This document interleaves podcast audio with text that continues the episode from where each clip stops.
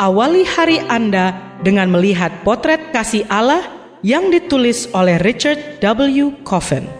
Melalui renungan pagi ini, kita akan mempelajari karakter Allah yang menuntun kita kepada kasihnya. Bersama Pendeta Andre Daimbani, selamat mendengarkan. Shalom, selamat pagi saudaraku. Renungan pagi kita hari ini 3 Desember berjudul Kepunyaan Pribadi Allah.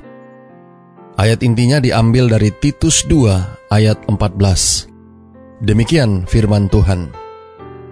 Yesus yang telah menyerahkan dirinya bagi kita untuk membebaskan kita dari segala kejahatan dan untuk menguduskan bagi dirinya suatu umat kepunyaannya sendiri yang rajin berbuat baik. Mari kita dengarkan penjelasannya. Beberapa tahun yang lalu, di sebuah kemah pertemuan di Massachusetts, seorang pembicara tamu memberikan khotbah berjudul "Berbeda tapi Tidak Aneh". Ayat yang dipakainya adalah Titus 2 ayat 14. Ayat kita hari ini.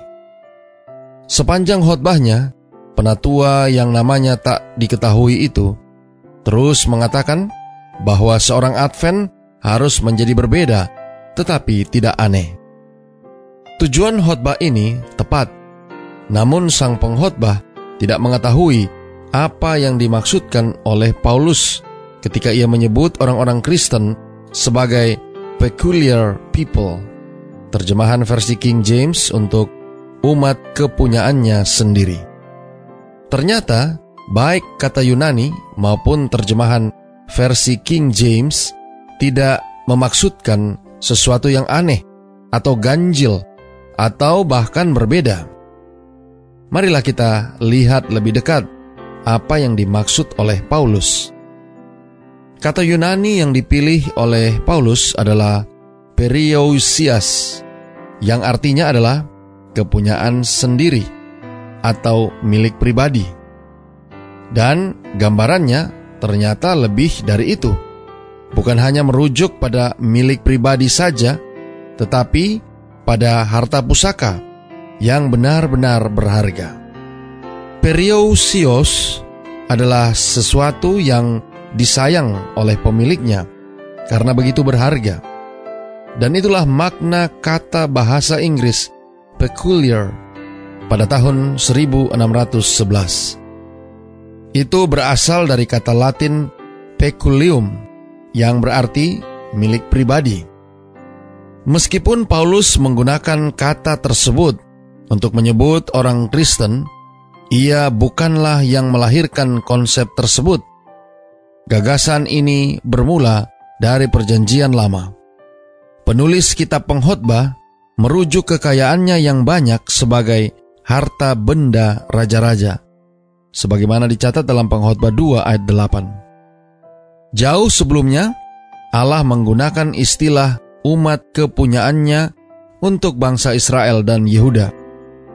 Di dalam Keluaran 19 ayat 5 dan Ulangan 14 ayat 2 dan Ulangan 26 ayat 18, Allah menyebut orang Yahudi sebagai harta kesayangannya dan umat kesayangannya.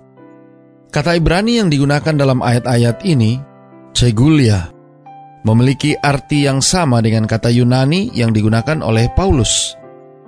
Saudara-saudara yang kekasih di dalam Tuhan, orang-orang Kristen seperti juga orang Yahudi kuno adalah harta kesayangan Allah.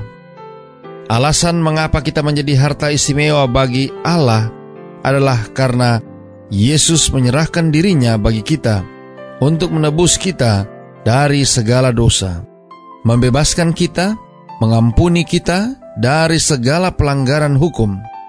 Selanjutnya, ia menyucikan kita, membersihkan kita dari segala cacat moral kita.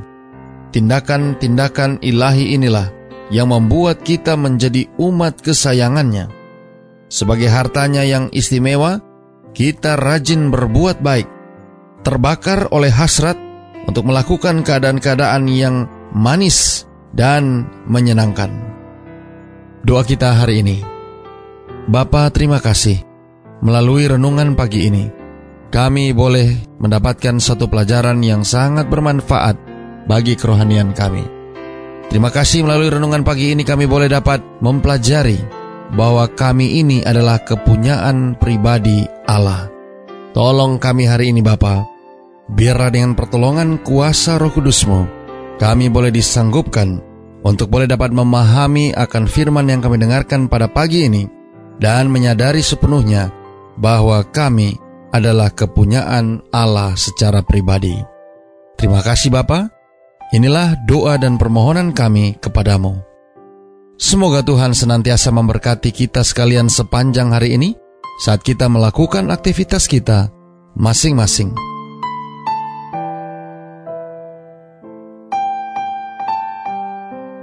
Demikianlah tadi pembahasan tentang potret kasih Allah. Semoga firman Tuhan hari ini dapat menjadi berkat bagi Anda. Sampai jumpa, Tuhan memberkati.